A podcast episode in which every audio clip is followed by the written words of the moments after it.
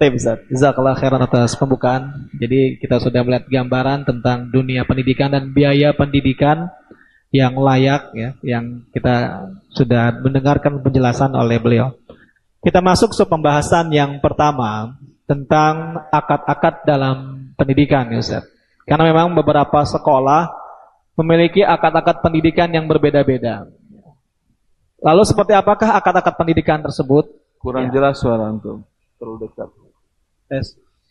Uh, jadi dalam sekolah ada yang namanya mengadakan akad-akad pendidikan. Ada pendidikan. Antar, akad pendidikan antara pihak sekolah dengan dengan orang tua.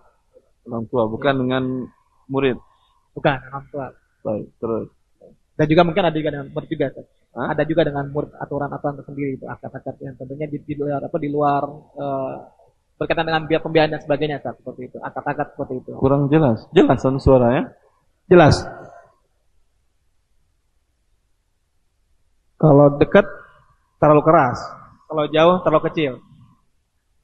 Oh. Jadi saat di dalam dunia pendidik, di dalam lembaga sekolah, ya ada sebagian sekolah bahkan ya hampir rata-rata sekolah memiliki akad yang dilakukan antara pihak sekolah dengan orang tua saat dalam hal ini yang akan kita bahas dalam pembahasan kita saat.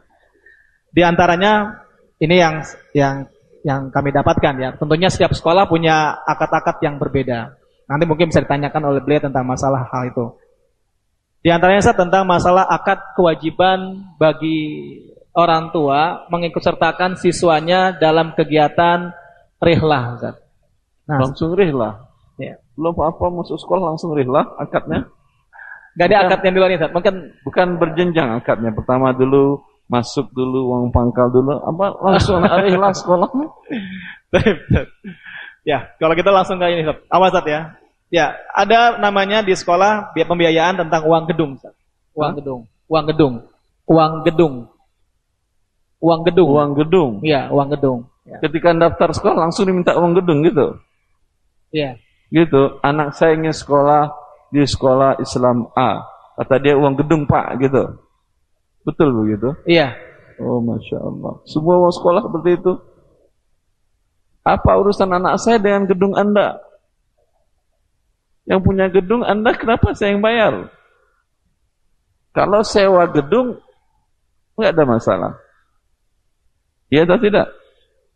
Kan anak Anda, Anda kan nggak jadi pemilik gedung, kecuali nanti tertera nama Anda di sana bahwa tiang ini milik si bapak itu, tiangnya ini milik bapak itu. Itu dia kan uang gedung pemilik. Karena mau jual beli kan tadi katanya.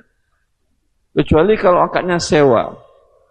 Anak bapak nanti akan ngambil space di gedung kami ini. Iya, tapi berapa persen dari keseluruhan sewa gedung? Kalau sewa gedung umpamanya per tahun 10 juta, anak Anda seperberapa dari 10 juta?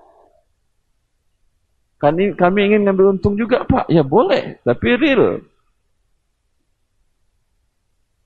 Wallah ta'ala Tapi ya, maksud uang gedung itu apa tadi? Beli gedung atau sewa gedung? Biasanya iya uang pangkal, tapi maksudnya dia nyewakan gedung atau menjual gedung? Ada dua, ha? Orang tua.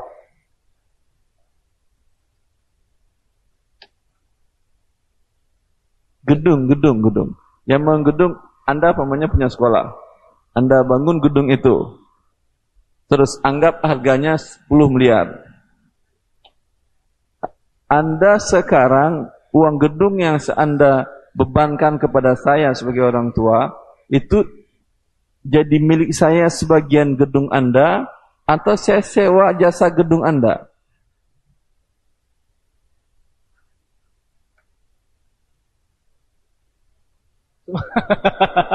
sumbangan wajib. Sumbangan wajib. Infak wajib. Dan terkadang ini saat apa uh, uang gedung itu. Ala kulli hal akadnya tidak jelas bagaimana mau saya yang berikan hukumnya. Baik. Kalau yang Anda maksud adalah uang gedung, dia beli gedung, berarti walaupun tamat anaknya dia punya saham di gedung Anda. Ya atau tidak? Kalau yang maksud adalah jasa gedung, berarti jasa dan jasa hitungannya per berapa tahun? Tahu saya uang gedung itu sekali se kali sum ya. Iya atau tidak? Sekali seperiode pendidikan. Kalau SD sekali per enam tahun. Iya. Hah? Iya. Baik. Sekali per enam tahun. Ini imbalan apa? Makanya seperti yang saya katakan tadi, kalau di di Arab Saudi tadi yang anak saya TK tahfiz Quran tadi, seperti itu. Tidak ada uang gedung, tidak ada segala macam. Per tahun. Setahun lima ribu sudah masuk di sana sewa gedung, jasa guru, kemudian kalau pakaian bebas. Buku, kemudian sarana pendidikan sudah masuk ke sana semuanya. Per tahun saja. Bukan hitungan enam tahun. Kemudian nanti di tahun kedua dia ingin pindah, silahkan, nggak rugi dia. Karena dihitung sewa sewanya per tahun. Ini dihitung sewa enam tahun, berarti sudah anda ikat dia enam tahun. Ya atau tidak? Hah? Maka pantas saja mahal sekolah anda. Anda hitung biaya gedung, pembuatan gedung per enam tahun. Kemudian dia akan dapat memiliki gedung. Ini zolim namanya. Anda tadi buat gedung ini, anggap ini gedung sekolah. Untuk pembangunannya biayanya 10 miliar. Hah? Yang bisa bersekolah di sini sekitar 1000 orang. 10 miliar dibagi 1000 berarti berapa? Per orang bayar 1 juta. Ya kan ya? Hah? 1 juta. 1 juta berarti kemudian selesai menjadi milik pribadi Anda. Enak banget seperti itu. Hilang kepemilikannya padahal tadi bersyirkah, bermusawamah. Kalau jual beli berarti kan jadi milik dia. Seper seribunya. Iya atau tidak? Tapi kemudian hilang kepemilikan tersebut. Maka tolong para pengelola sekolah bagaimana akadnya. Saya nggak paham sampai sekarang.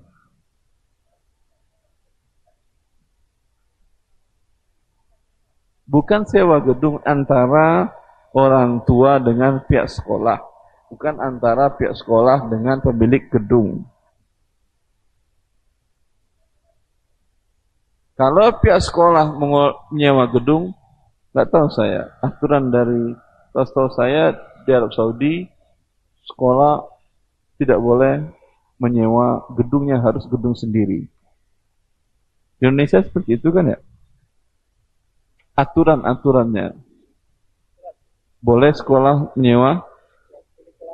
Harus, ah?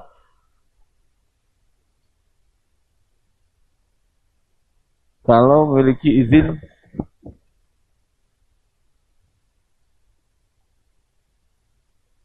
sewa minimal 20 tahun. Baik. Itu kan realnya. Sekarang saya bertanya aturan. Ah, minimal 20 tahun. Kalau minimal 20 tahun, Anda bagi per tahun tersebut, setiap awal tahun, anak dikenakan biaya cas sewa gedung, dibagi per anak, itu boleh. Nyewa. Tetapi kemudian Anda jual ke mereka gedung, karena uang gedung tadi, kemudian menjadi milik yayasan, subhanallah, enak banget. Hah? Ketika sekolahnya tutup, Gedung menjadi yayasan dan disewa-sewakan yayasan. Dapat uang yayasan padahal belinya dulu pakai uang, bangunnya pakai uang gedung dari orang tua murid. Ini kezaliman dunia akhirat ya.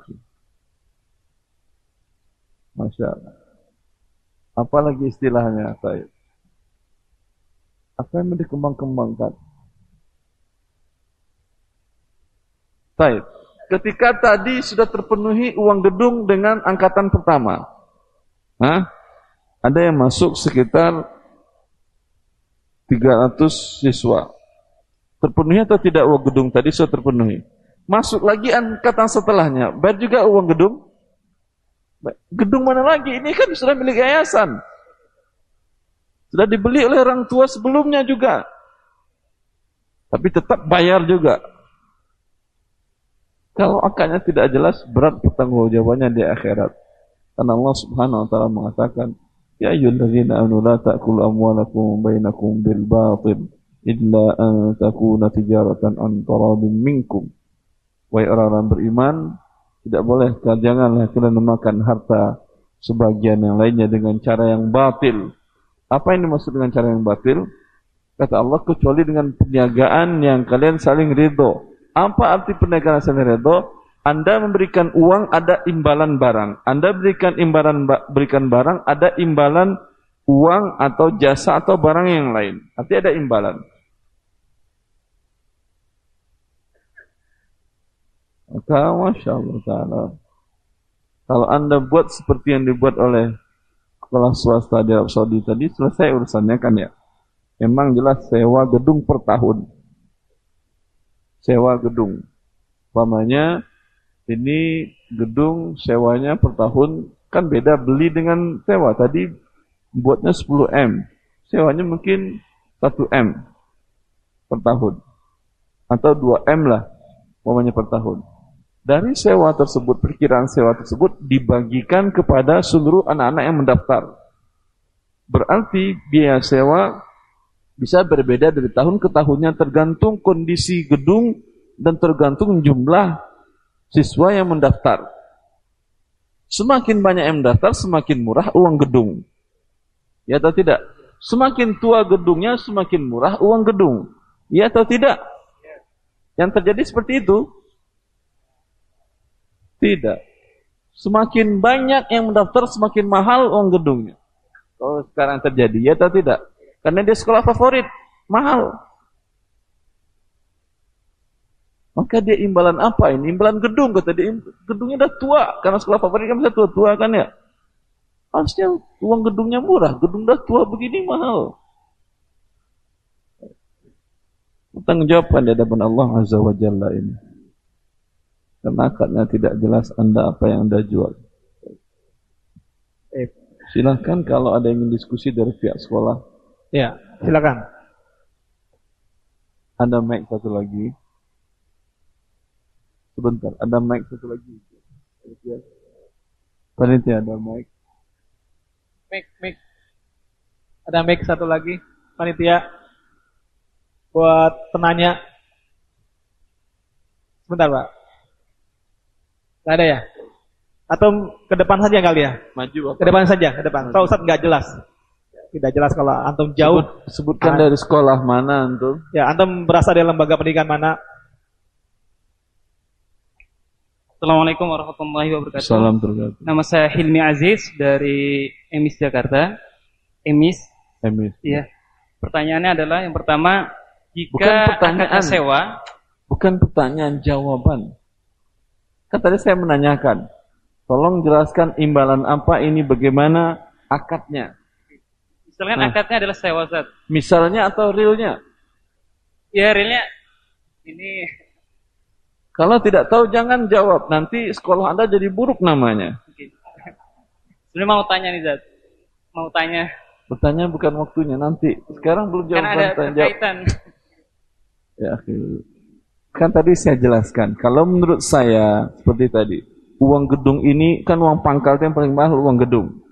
Adapun biaya administrasi sekolah umpamanya eh, sekian 500 ribu administrasi pendaftaran itu jelas imbalannya ada. Imbalan kertas pendaftaran, imbalan gaji karyawan yang menunggu, eh, pena, kemudian apa lagi diberikan? Nomor, kemudian nanti ada tim pengujian, tim berkas, segala macam itu imbalannya boleh. Imbalan jasa dan barang halal hukumnya.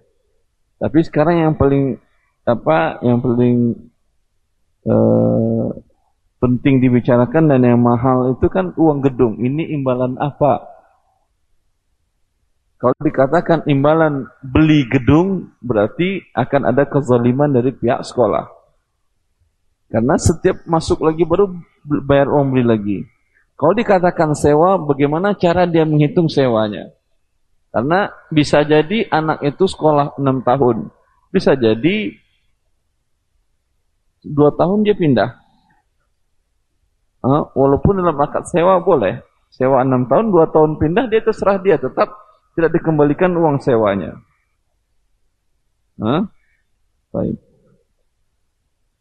Silakan pihak sekolah ada yang bisa menjelaskan. Ya. Ini jadi bukan pertanyaan menjelaskan tentang masalah uang. Tapi katanya. ter- maksud saya tadi yang ber, apa apa artinya berkepentingan di bidangnya. Umpamanya dia pengelola sekolah atau dari mana Pak? Assalamualaikum warahmatullahi wabarakatuh. salam wabarakatuh. Ustadz Ana dari Jatimulya, Bekasi Timur. Kebetulan Ana sebagai komite SMA Negeri, Komite Sekolah Negeri SMA Negeri. Negeri. Dan di Jatimulya itu baru Negeri, sebentar, negeri ada uang gedung. Hah? Negeri ada baru dibangun saat. Jadi kita mengusulkan dari masyarakat. Alhamdulillah sudah terbangun. Cuman dari sapras ya sarana prasarananya itu belum lengkap. Terkait dengan itu misalnya dibangun ruangan. Mebel airnya nggak punya. Terus jumlah murid yang sekarang ini 800-an murid. Toilet cuma ada tiga. Juga UNBK itu kan wajib ujian nasional berbasis komputer. Kita nggak punya komputer. Ah, adapun bantuan itu juga sifatnya kan anggaran. Jadi kalau anggaran turun baru dapat, kalau tidak ya kurangnya kita harus cari. Ya, Jadi komite ini adalah jembatan orang tua siswa dengan pihak sekolah.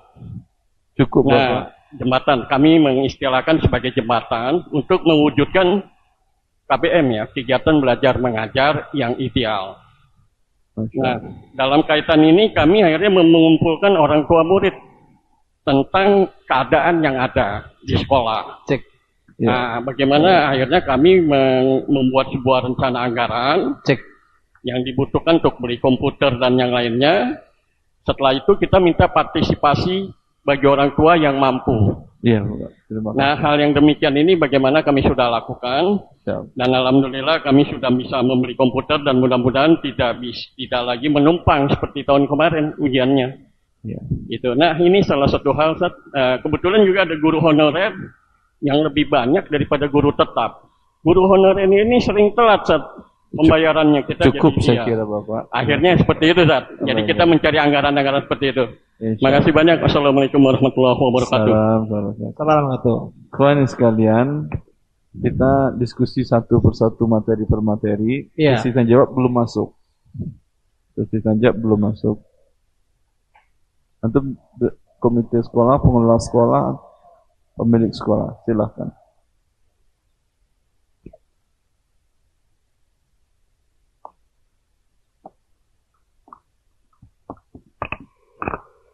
Assalamualaikum warahmatullahi wabarakatuh. Assalamualaikum warahmatullahi wabarakatuh. Saya Nur Jamaluddin dari sekolah Nailufar, Ustaz. Dua. Nailufar. Nailufar. Nai, Lufar. tupat. Nailufar. Teratai, Ustaz. Hah? Teratai. Nai lu. Bahasa Arabnya teratai.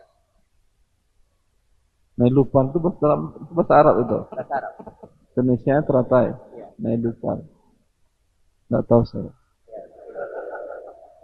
Gini, Ustaz. Hmm. Eh, kami menerapkan ada uang pembangunan, Ustaz. Kebetulan kami eh, Uang pembangunan, uang gedung sama kan uang ya? gedung, uang pembangunan itu sama, Ustaz. Nah. Pada prinsipnya kami ka- kalau kami Ustaz, untuk menyewa gedung Ustaz. Kebetulan kami tidak punya lahan gitu kan. Tidak punya lahan tapi kami membuat lembaga pendidikan, kami sewa gedung. Ya, Sewa Terus bangunan, sewa rumah, Ah. sewa tanah gitu Ustaz. ini real Anda menyewakannya kepada setiap cara menghitungnya bagaimana? Eh, Berapa? Kenapa setiap setiap siswa kena harus bayar sekian? Itu cara hitungnya bagaimana? cara hitungnya adalah eh, sekian murid Ustaz. Sekian murid eh, dengan eh, kita mau eh, menyewa Umpamanya bangunan. sewa per tahun tadi 100 juta. Ya, Murid sebanyak 200 orang diterima. Itu setiap murid dikenakan setiap tahun atau hanya murid baru saja? Murid baru Ustaz. Berarti yang lama nggak nyewa lagi udah. Enggak. Enak banget. kan eh, yang lama itu kan mengikuti yang yang ada Ustaz. Ya bangunan yang ada gitu. Iya. Nah, Ber- berarti ini sewa per enam tahun berarti. ya, Kalau- se- Hah? sewa per enam tahun Ustaz. Mau, Ustaz.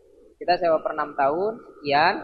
Eh, nanti kita setelah murid baru kita ada sewa lagi gitu Ustaz. Yang dengan yang, Yang murid lama nggak perlu nyewa lagi gratis. nggak sewa. Ditanggung oleh murid baru biaya sewanya berarti. Eh, Iya. Karena ada em, Iya kita atau tidak? menyewa Jawab ruang dulu. online Ustaz. Kita menyewa Jawab ruang- dulu iya atau tidak. Hah? Ya. Iya. Zolim atau tidak? Kenapa ya? kita belajar yang angkatan pertama ada 100, angkatan kedua 100. Yang tahun pertama dia nyewa untuk tahun pertama. Alhamdulillah halal itu. Yang tahun kedua dia nggak nyewa lagi dibayar uang sewanya oleh angkatan kedua. Ya atau tidak? Ini kenapa? Zolim atau tidak? Tapi kebanyakan lembaga pendidikan seperti Sebentar. itu. Ah, Anda dan saya kita sama-sama tinggal di hotel. oke. Hari pertama saya masuk, saya bayar sendiri. Ya. Hari kedua Anda bayar, saya nggak perlu bayar lagi karena dibayarin oleh Anda. Hari ketiga saya, an, saya dan Anda tidak perlu bayar lagi, dibayarin oleh orang yang ketiga. Hari keempat, yang penting selama-lamanya selagi sama saya, saya gratis. Ya. Saya bayar hanya hari pertama saja. Zolim atau tidak namanya ini? Zolim.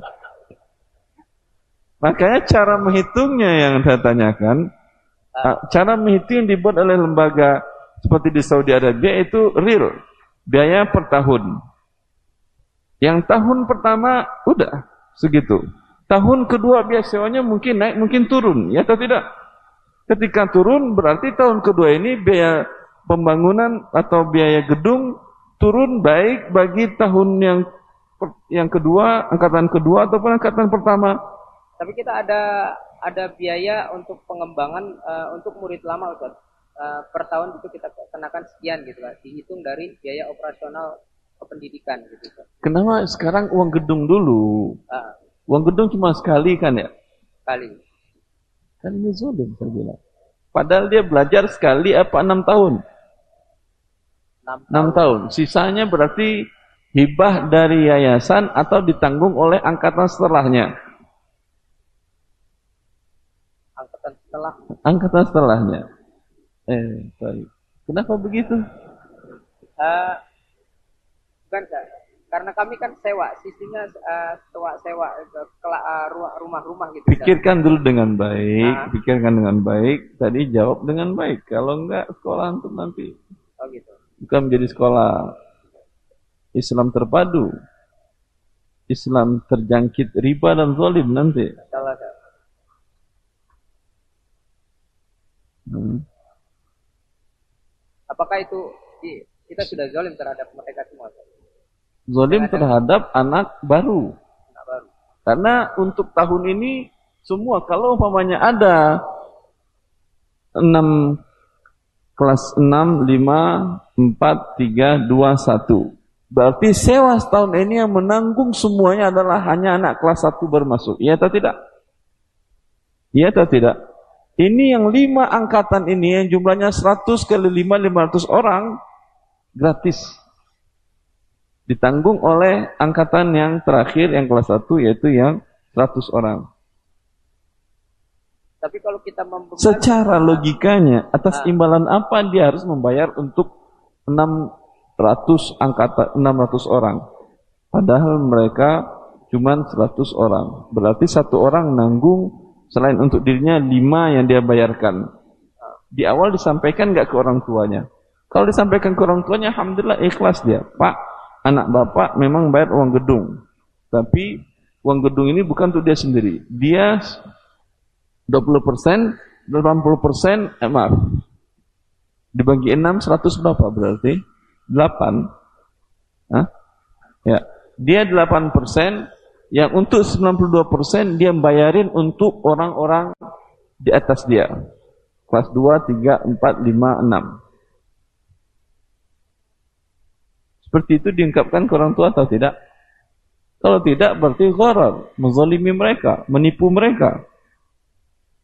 Makanya saya lebih tertarik dan lebih sesuai dengan syar'i akad yang menurut saya seperti yang di Saudi tadi.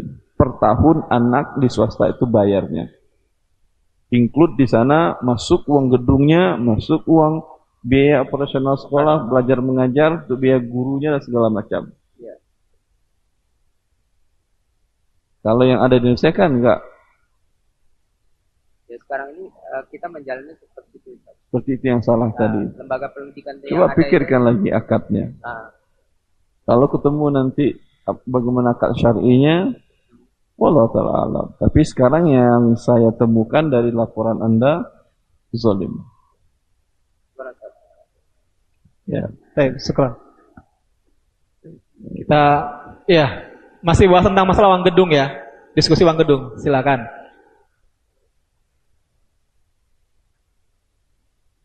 Jadi biar tidak melebar ke mana-mana pembahasan kita diskusi tentang masalah uang gedung yang Uang gedung udah selesai kan? oh sudah tadi ya Sudah selesai uang gedung kan atau belum? sudah. Sudah. Ah. Ya, ini Nanti seharian kita bahas uang gedung aja nanti. yang lain, yang lain. Tapi ya sebentar Pak, kita bahas yang lain Pak kata Ustaz. Jadi sudah dapat solusinya yang disampaikan oleh Ustaz maaf, tadi ya. Ini afwan, ini dari pihak sekolah. Dari pihak orang tua setuju nggak dengan apa yang saya sampaikan? Yang orang tua Hah? setuju atau tidak dari pihak orang tua? Iya, setuju. Mohon jelaskan ini akadnya apa? Uang gedung sewa atau beli? Rata-rata tidak jelas. Kalau tidak jelas, gharar namanya. Gharar haram. Nahan Nabi sallallahu alaihi wasallam an bai'il gharar. Nabi sallallahu alaihi wasallam dari kalimah muslim melarang dari jual beli gharar. Berarti Islamnya Islam apa? Islam gharar. Tidak jelaskan bagi kita, tapi makanya saya tanya pihak sekolah, ini bagaimana dia cara menghitung angka uang gedung itu, dari mana munculnya? Kata beliau, karena sekolah beliau nyewa, memang dari uang sewa. Tetapi dibagi rata per kepala anak baru atau kepada 10 anak yang sekolah. Ternyata hanya kepada anak baru saja. Berarti kan anak baru menanggung sewa untuk seluruh yang sekolah di sana. Ya atau tidak? Paham antum maksud saya? Paham maksud saya? Ya. Sama ini artinya naik angkot atau naik bus Transjakarta. Yang masuk pertama ah, perjalanan per- sampai masuk yang kedua dia bayar. Masuk yang kedua dia menanggung dia bayar juga. Kemudian masuk yang ketiga dia bayar juga. Sampai eh, masuk orang selanjutnya yang menanggung adalah orang yang terakhir. Kan seperti itu. Hah? Masih berkenan dengan uang gedung? Antum dari pihak orang tua apa dari pihak sekolah? Dari pihak sekolah ingin menjelaskan tentang kasus uang gedung ini. Cara menghitung uang gedungnya beda antum itu maksudnya? Silakan. Silakan ke depan. Depan, silakan depan. Ini yang tadi uang sewa. Betul, tapi cara menghitungnya bagaimana? Itu saya pertanyakan. Baik.